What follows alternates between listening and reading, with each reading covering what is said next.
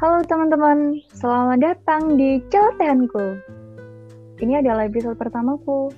Nah, aku mau jelasin sedikit nih tentang celotehanku. Tentunya di sini aku bakal berceloteh ya, bersajak, berquotes, menceritakan pengalamanku dan berkolaborasi dengan podcaster yang lain. Berhubung malam minggu nih, aku nggak pengen sendiri dulu. Monolog maksudnya aku memulai episode pertamaku ini ditemenin sama seseorang. Seseorang ini berasal dari Denpasar. Om Swastiastu. Bisanya gitu doang. Ya udah langsung saja ya kita sambut. Bli Agung. Halo Bli. Halo Vincentia, apa kabar? Puji Tuhan, aku baik Bli. Bli gimana? Ah, mantap, ya baik juga nih. Jadi teman-teman, aku kenal sama Bli Agung ini baru kemarin banget. Iya kan Bli? Kita baru, Iya. baru kemarin ya? Iya, baru kenal secara online sih, belum pernah ketemu juga. Iya. Kita kenal tuh dari grup WA. Grup WA-nya tuh namanya Podcastal. Aku nggak Iya, sengaja betul. sih grup, grup itu, ha? Karena waktu itu aku tuh lihat story-nya temenku, terus dia tuh kayak nge-share link grup, terus aku tertarik kan. Makanya aku masuk gitu. Karena kemarin kita belum kenalan lebih mendalam, jadi untuk sekarang aku pengen tahu nih tentang sesosok Beli Agung ini seperti apa. Tapi aku ngerasa Ya, Beli boleh. Agung orangnya hebat dan keren banget. Wah, bisa aja. Kita masih sama-sama belajar kok. Jadi Iya. saya juga punya kekurangan, Sianya juga pasti punya kelebihan juga. Kita masih bisa melengkapi sih, sama-sama masih belajar. Iya, saling melengkapi ya. Iya, Oh iya, Beli Agung ini juga punya podcast loh, namanya Wirya. Di sana, betul. Beli Agung membahas tentang pengalaman ya, pengalaman, pengetahuan, dan pendapat. Terus Iya, apa lagi? benar.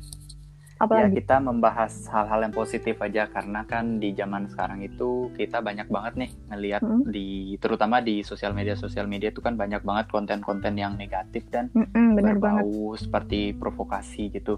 Jadi Mm-mm. saya mau mencoba untuk bagaimana caranya kalau kita sebaiknya nge-share yang positif-positif aja deh seperti pengalaman kita. Jadi membuat orang tuh lebih motivasi, memotivasi mereka seperti itu sih. Iya benar-benar. Jadi kayak aktivisnya podcast ya. Iya, Oh iya, sedikit bocoran ya.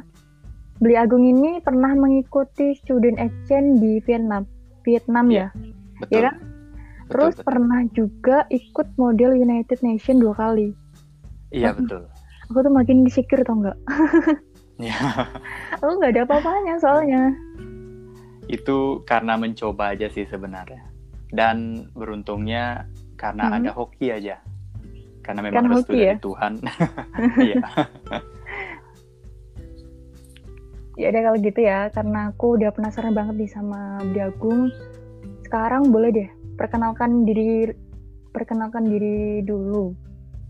Mulainya di mana?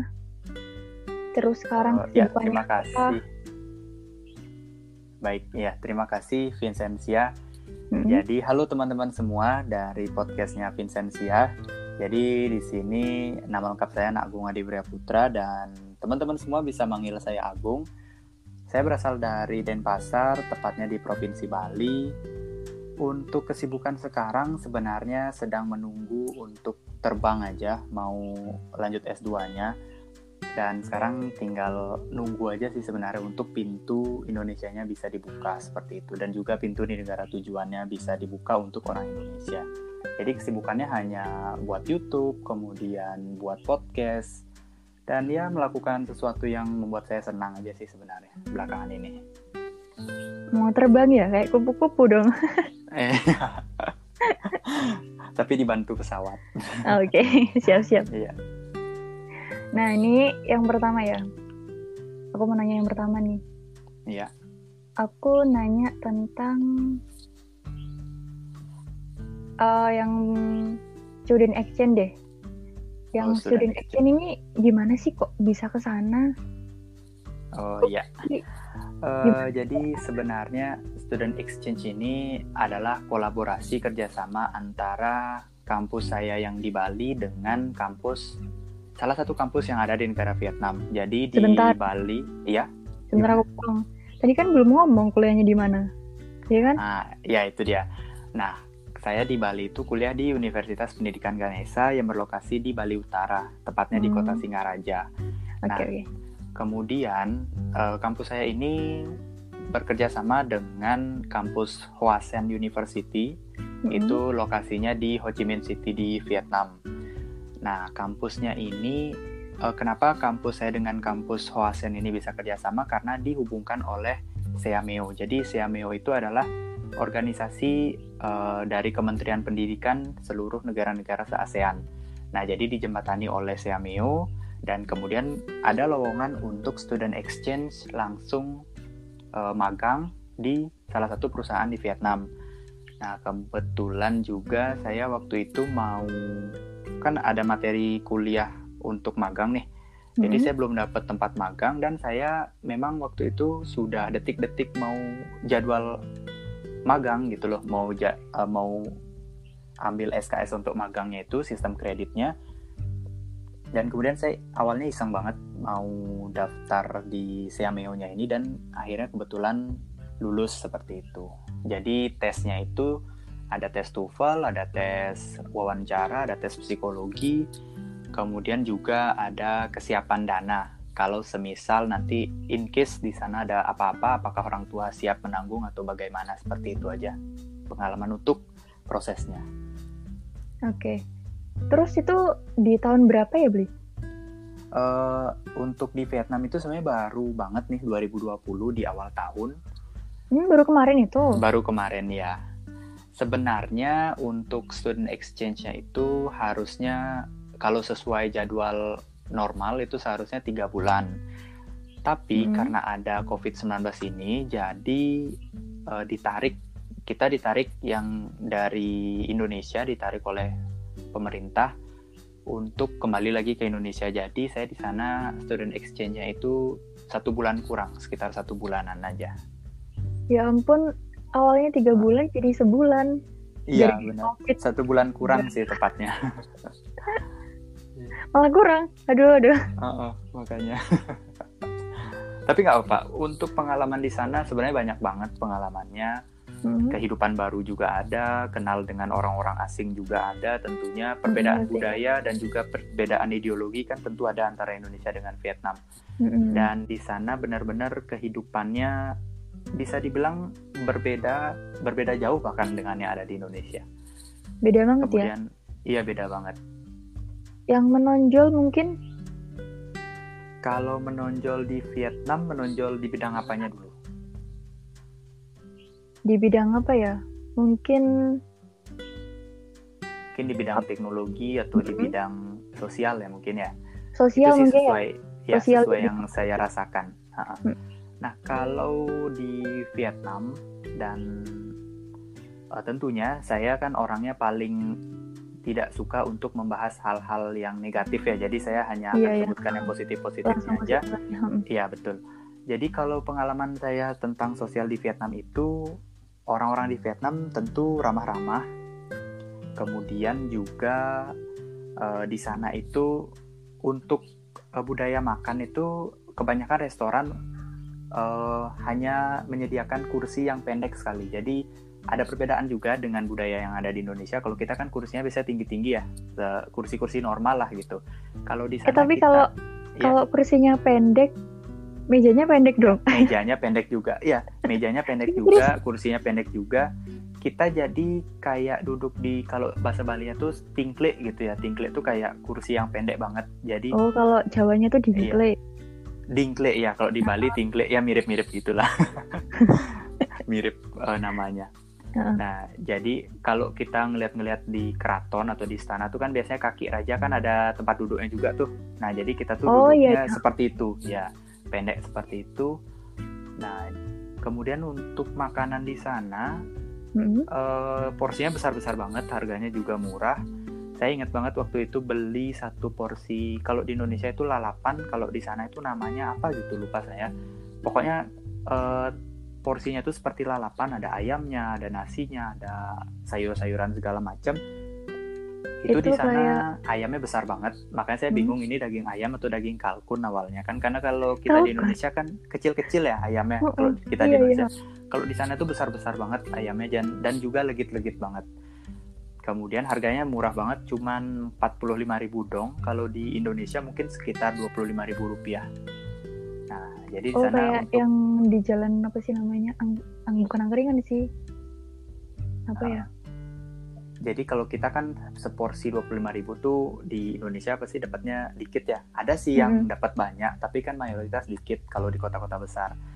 Nah, kemudian juga untuk yang saya alami di sana untuk transportasi murah banget, terutama taksi. Kalau di sana saya pengalaman eh, taksi yang jemput saya itu kebanyakan Fortuner, kemudian Pajero dan itu Waduh. harganya cuman 8.500 dong. Jadi kalau di Indonesia sekitar 4.000 rupiah. Makanya saya kejut banget. Loh, di kota besar kok taksinya murah-murah banget ya? Makanya saya bingung banget waktu itu. Ah, ah, dan Ya. juga kendaraan yang digunakan itu besar banget. Lanjut kak. Nah, kemudian untuk eh, apa namanya untuk masyarakat juga sih ramah-ramah seperti yang saya bilang tadi Mm-mm. dan juga kalau kita nanya itu mereka di sana dengan senang hati mau bantu gitu. Nah, saya ada pengalaman juga saat ke supermarket saat itu kan saya nyoba ya supermarket di Indonesia dengan di Vietnam seperti apa sih? Saya nyoba ke supermarket, saya tanya-tanya kan saya otomatis eh, pasti bakal menggunakan bahasa Inggris. Nah, di sana memang beberapa ada yang bisa bahasa Inggris dan saat itu ada saya nanya untuk pegawai yang tidak bisa bahasa Inggris kebetulan dan dia tuh bener-bener berjuang banget untuk nyariin orang yang memang bisa bahasa Inggris supaya bisa komunikasi sama saya gitu. Jadi Hmm, dia gitu. tuh kayak iya. bener-bener niat banget eh, bantuin karena kan bagaimanapun juga dia mungkin ya menghormati banget orang yang datang ke negaranya seperti itu. Jadi Mm-mm. benar-benar saya rasakan wow ini bener-bener biar enak banget di sini gitu. Udah murah juga harganya, kemudian orang-orangnya ramah seperti itu sih. Dan kemudian aman banget di sana. Jadi kanan kiri tuh banyak sekali tentara, banyak sekali polisi. Jadi ya kita aman aja sih di sana. Cuman ya memang di mana-mana ya di mana-mana ya jangan bawa barang-barang berlebihan sih seperti emas, kemudian barang-barang mewah itu sebaiknya Mm-mm, jangan tetap sih. dijaga sih. Mm-mm. Tetap dijaga. Eh, tadi kan katanya di sana ngomongnya bahasa Inggris ya. Iya bahasa Inggris. Pasti pinter banget nih bahasa Inggrisnya. Enggak sih, masih belajar juga. Masih banyak kata-kata yang harus dihafalin juga, yang harus dipelajari juga, seperti itu sih. Boleh nggak sih kalau semisal aku dikasih tipsnya gitu? Buat Eh, teman-teman yang dengerin iya. gitu. boleh, boleh banget. Hari ini, Hari ini apa? Ini ya, next ya? eh, Bakal boleh sih. berhenti nggak sih? Eh, boleh sih kalau hari ini juga. Mumpung Ya sekalian deh. kan. Ah, Hari ini aja ya? Ya udah. Nah, sebenarnya kalau boleh saya cerita sedikit ya. Mm-mm. Sebenarnya dulu saya waktu SD dan saya waktu SMP itu benar-benar buta banget bahasa Inggris. Kenapa? Nah? Karena saya SD itu di salah satu SD di Denpasar yang menerapkan kelasnya itu ada kelas bahasa Jepangnya. Nah, Hmm, jadi saya waktu SD jauh lebih pintar bahasa Jepang daripada bahasa Inggris. Bahkan saya dulu bingung what itu apa artinya gitu. Karena itu kan padahal padahal adalah sebuah kata yang paling gampang ya dalam bahasa Mm-mm. Inggris. Iya. Nah, kemudian saya nggak tahu. Kemudian eh, saya masuk di salah satu sekolah favorit, SMA favorit di Denpasar, yang memang menggunakan bahasa Inggris. Jadi ada bahasa Inggrisnya. Nah di sana saya berpikir dong, aduh kok saya bodoh banget ya bahasa Inggris. Artinya ada keinginan keras untuk belajar. Nah kemudian akhirnya saya tanya teman-teman, teman-teman juga nginfoin, oh di sini ada les bahasa Inggris bagus gitu. Nah kemudian ke- kemudian saya ikuti les di sana, saya diajarin dari dasar. Jadi saya waktu itu lesnya sama anak-anak kecil karena memang benar-benar kalau bisa bilang kasarnya saking bodohnya gitu, saking butanya bahasa Mm-mm. Inggris. Jadi saya belajar lagi dari awal. Jadi materi-materi SD, kemudian latihan speaking dan yang lainnya. Dan akhirnya eh, ada keberanian langsung untuk eh, sebenarnya saya tidak berani bilang kalau saya pintar bahasa Inggris, pro bahasa Inggris, nggak bagaimanapun juga saya kan orang Indonesia ya, jadi tiap hari Iya, iya. menggunakan bahasa Indonesia. Dan bahasa Bali. Eh, bahasa Bali ya bisa jadi. Nah, kemudian saya eh, tadi yang eh, Vincentia udah bilang kan saya ada pengalaman untuk ikut uh, model United Nation. Nah itu hmm. sebenarnya saya modal nekat aja itu, modal nekat. Saya nggak tahu apa yang harus saya lakukan di sana. Saya nggak tahu seperti apa kegiatannya. Saya hanya modal nekat daftar, bayar, udah datang seperti itu aja sih sebenarnya. Nah untuk motivasi saya dulu ikut uh, model United Nation itu karena waktu SMA ada temen uh, ini cewek sih sebenarnya dan itu benar-benar saya tertarik banget tuh sama orang itu karena orang itu terus saja keluar negeri kemudian ikut event ini ikut event itu dan saya mikir loh kok saya bisa nggak ya saya seperti dia seperti itu sih saya mikir nah kemudian hmm. akhirnya menjadi motivasi dan kebetulan pas banget model United Nation ini ada di Bali jadi saya ikuti karena kan tidak perlu tiket pesawat, tidak perlu hotel segala macam, pas banget langsung ya, rumah. Iya. Dan akhirnya saya ikut aja. Dan di sana benar-benar pengalamannya wow. Benar-benar keren banget dan juga secara otomatis uh, mohon maaf nih ya jangan tersinggung atau gimana. Hmm. Secara otomatis kalau kita berada di kanan kirinya itu orang luar negeri pasti bahasa Indonesia kita akan tidak aktif. Saya berani jamin itu karena saya udah ngalamin sendiri pasti secara spontan akan menggunakan bahasa Inggris karena bagaimanapun juga kalau kita pakai bahasa Indonesia kan mereka nggak ngerti. Nah itulah yang saya rasakan juga saat saya di, berada di Vietnam. Jadi uh, bahasa Inggris bahasa Indonesia saya benar-benar nggak keluar. Kan kan kalau kita di sekolah belajar bahasa Inggris kan kalau kita nggak tahu artinya kan kita biasanya mix ya pakai bahasa Indonesia kan. Yeah. Nah kalau kalau di luar negeri atau kalau ikut event internasional apalagi yang dihadiri oleh ratusan negara itu benar-benar kita kalau kalau memang lupa kosakata bahasa Inggris kita pakai body language saja. Oh. Jadi seperti itu. Itu aja sih tipsnya kalau bicara. Spontanitas iya, gitu ya. Mm -mm. Jadi secara otomatis sih akan keluar bahasa Inggris kita kalau kita nggak tahu bahasa Inggrisnya apa kita pakai body language seperti itu aja sih pengalamannya. Jadi yang model United Nation sama yeah. student exchange ini saling berkaitan gitu tabli? Uh, kalau student exchange-nya itu karena dari kampus. Nah, kalau model United Nation ini memang per pribadi dia statusnya. Oh, Jadi gitu. saya ikut tanpa ada campur tangan kampus seperti itu. Jadi memang dari sendiri mau ikut sendiri, gitu ya? Iya, betul. Oke. Okay. Untuk selain itu di kampus ada pengalaman lain nggak? Kayak ikut organisasi apa gitu? Apa ikut BEM gitu? Uh, kalau di kampus saya pernah menjadi wakil ketua himpunan mahasiswa. Hmm, nah, uh -uh. kemudian itu sebenarnya ditunjuk oleh dosen sih saat saya semester 1. Nah, saya kan minim banget organisasi atau eh minim banget ikut pengalaman organisasi atau apa, tapi saya aktif di oh, kegiatan-kegiatan dan event-event luar.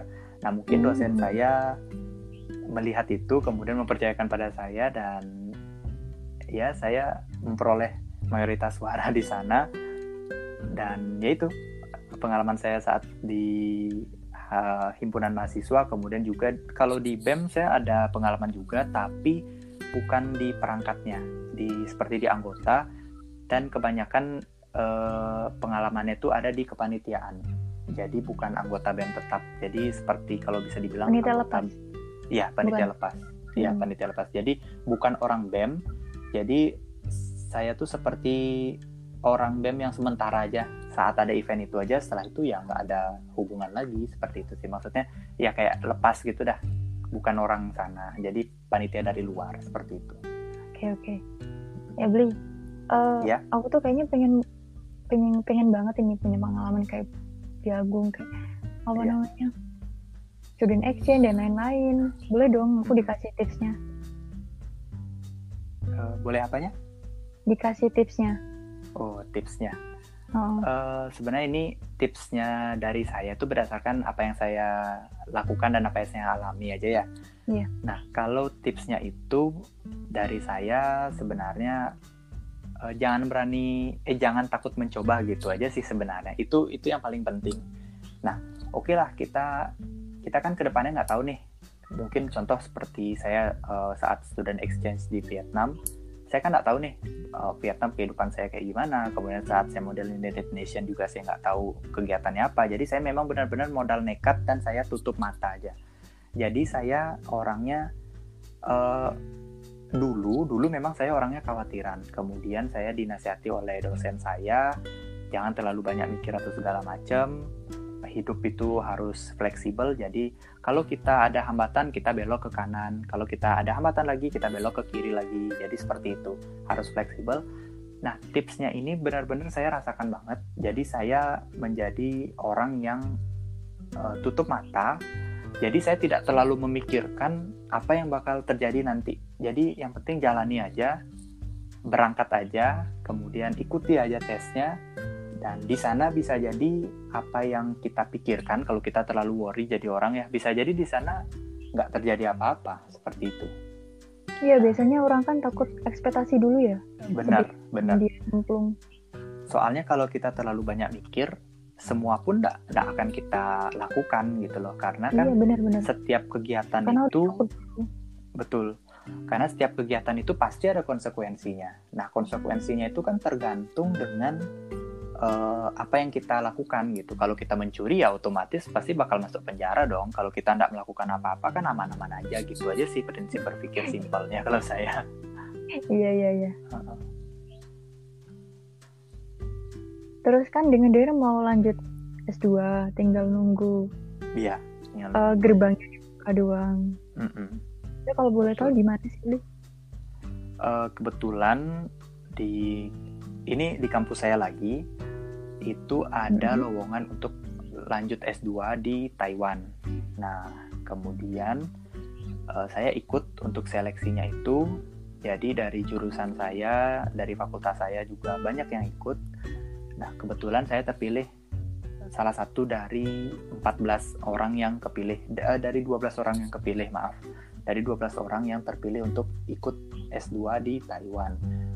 Nah, jadi kita karena sudah keluar pengumumannya, kalau bisa dibilang sudah pasti akan ikut di sana dan kita tinggal nunggu untuk gerbang di Taiwannya aja sih dibuka untuk Indonesia karena kan uh, sekarang kasus COVID di Indonesia sedang banyak-banyaknya ya Iya udah 90 90 ribu lebih kan? Iya betul. Jadi kan kita nggak tahu apakah negara Taiwan itu akan buka gerbangnya untuk kita atau kita mungkin selama setahun dulu kuliah di sini secara daring mungkin seperti itu kurang tahu juga. Jadi sambil nunggu aja sih sebenarnya sekarang. Oke. Okay. Eh kalau boleh ya. tahu jurusannya apa, Bri? Tadi kan uh, belum ngomong. Iya. Kalau saya jurusan di kampus saya di Bali di Uniksa itu jurusan Teknik Informatika, prodi Manajemen Informatika. Nah, kalau yang di Taiwan yang di S2-nya program magister itu saya mengambil Visual Communication Design atau kalau bahasa Indonesia itu desain komunikasi visual. Jadi belajar bagaimana membuat di film. Iya betul, hmm. di kafe membuat film, membuat poster, pokoknya hal-hal yang bisa mempengaruhi orang secara visual seperti itu. Oke, terus kayaknya ini udah banyak bang, eh banyak banget, udah lama banget ya iya. buat celotehnya. Iya. Yang terakhir, uh, aku mau minta sesuatu sama Biagung, boleh nggak? Uh, boleh, ya. Langsung dibolehin loh. Iya. Apa sih yang enggak? Aduh ini malam ini buat yang para jomblo aduh kalau kalau aku minta jadi pacar boleh nggak wah aduh canda canda berat jadi, itu berat berat berat ya iya jadi mau minta satu kata mutiara dari Ibu Agung buat aku dan buat teman-teman biar makin semangat boleh nggak uh, boleh boleh, boleh. katanya boleh dulu ya Oke okay, oke. Okay. Boleh boleh. Tapi saya mikir dulu apa ya kira-kira ya, karena saya bukan coaster gitu apa ya, coaster ya. Motivator. Apa ya? Motivator ya motivator. Hmm, kalau kata mutiaranya sih untuk yang simple aja, uh, setiap manusia itu selalu bakal pernah merasakan di atas dan juga di bawah Nah, saat kita berada di atas, kita nggak boleh sombong, dan saat kita berada di bawah, kita harus siap untuk menerima apa yang diperlakukan oleh orang lain. Jadi kita nggak boleh baperan gitu aja sih sebenarnya. Nggak boleh baperan Karena apa pun ya? itu, betul. Karena apa pun itu, pasti orang itu akan memulai dari bawah dulu. Iya benar. Jadi harus siap dimarah, harus siap dicampakkan, harus siap dijutein. Nah, itu yang akan membuat kita untuk naik menjadi orang yang di atas. Nah, ketika kita di atas, kita nggak boleh dendam, memperlakukan seperti kita diperlakukan oleh orang lain dulu. Jadi, ya seperti itu, kita harus lebih ramah jadinya. Lebih ramah, lebih positif, bahkan harus mengangkat orang yang ada di bawah tuh supaya kita bisa berada di atas juga bareng-bareng. Gitu aja. Mantep banget ya. ya karena sesuai pengalaman juga sih sebenarnya di zaman sekarang kan orang banyak banget nih yang saling menjatuhkan Iya karena benar. satu satu event satu kegiatan yang ada apa namanya ya seleksinya itu pasti ada saling jatuh saling geser saling dorong gitu jadi saya paling saya paling nggak suka sih sama kegiatan yang seperti itu jadi ya saya berusaha untuk bagaimana mempengaruhi orang supaya lebih positif lah karena kan orang juga punya kesempatannya masing-masing seperti itu aja sih Oke, mantap jiwa. Iya. Makasih ya atas kolaborasinya malam ini. Iya, makasih banyak Vincentia. minggu. Iya. Terima kasih juga nih udah dikasih kesempatan untuk nimbrung di podcastnya. Ini pertama banget loh. Spesial Iya. nih. Mantep banget. Saya merasa spesial sih di episode pertama udah langsung masuk di podcast orang lain. Waduh, Iya, Nggak mantep tahu. banget. kirain aja gitu. Tetap Oh, iya. semangat aja Vincentia. Iya. Ya siap, siap beli. Beli Iya. juga tetap Iya, semangat ya. gimana? Semangat terus. Iya. Iya. Iya, semoga sukses. Ya, Oke. gimana Vincentia? Tadi kalau nggak salah kepotong. Yang mana ya? Oh, nggak nggak ada ya, nggak ada mau nanya ya. Nggak, nggak, nggak ada kayaknya. Sorry, sorry. Udah, Iya, udah. iya. Ya udah bi, ya beli kan jadi jadi ngomongnya belibet nih. Mm, Iya. Selamat Iya. malam. Dan cepet ber ya cepet lagi kan. Aku jadi grogi kan. Aduh, aduh. Mau ngucapin good night padahal. Iya, selamat malam juga. Oke, oke. Ya, mungkin untuk eh, waktunya bisa saya kembalikan lagi pada Sia. Mungkin mau ada menyampaikan apa ke teman-teman semua yang ada di podcastnya sambil nunggu Oke. waktu nih. Ah, ah. Oke, siap. Iya. Terima kasih teman-teman yang udah meluangkan waktu untuk mendengarkan episode pertamaku. Semoga memberi manfaat bagi yang mendengarkan. Boleh juga kok di-share ke teman-teman yang lain. Makasih juga beli Agung yang udah menemani menemaniku pada malam hari ini, pada malam minggu ini. Semoga Beli Agung sukses nantinya. Amin. Nantikan episode Amin. selanjutnya. Semoga Vincentia juga sukses. Amin. See you. See you.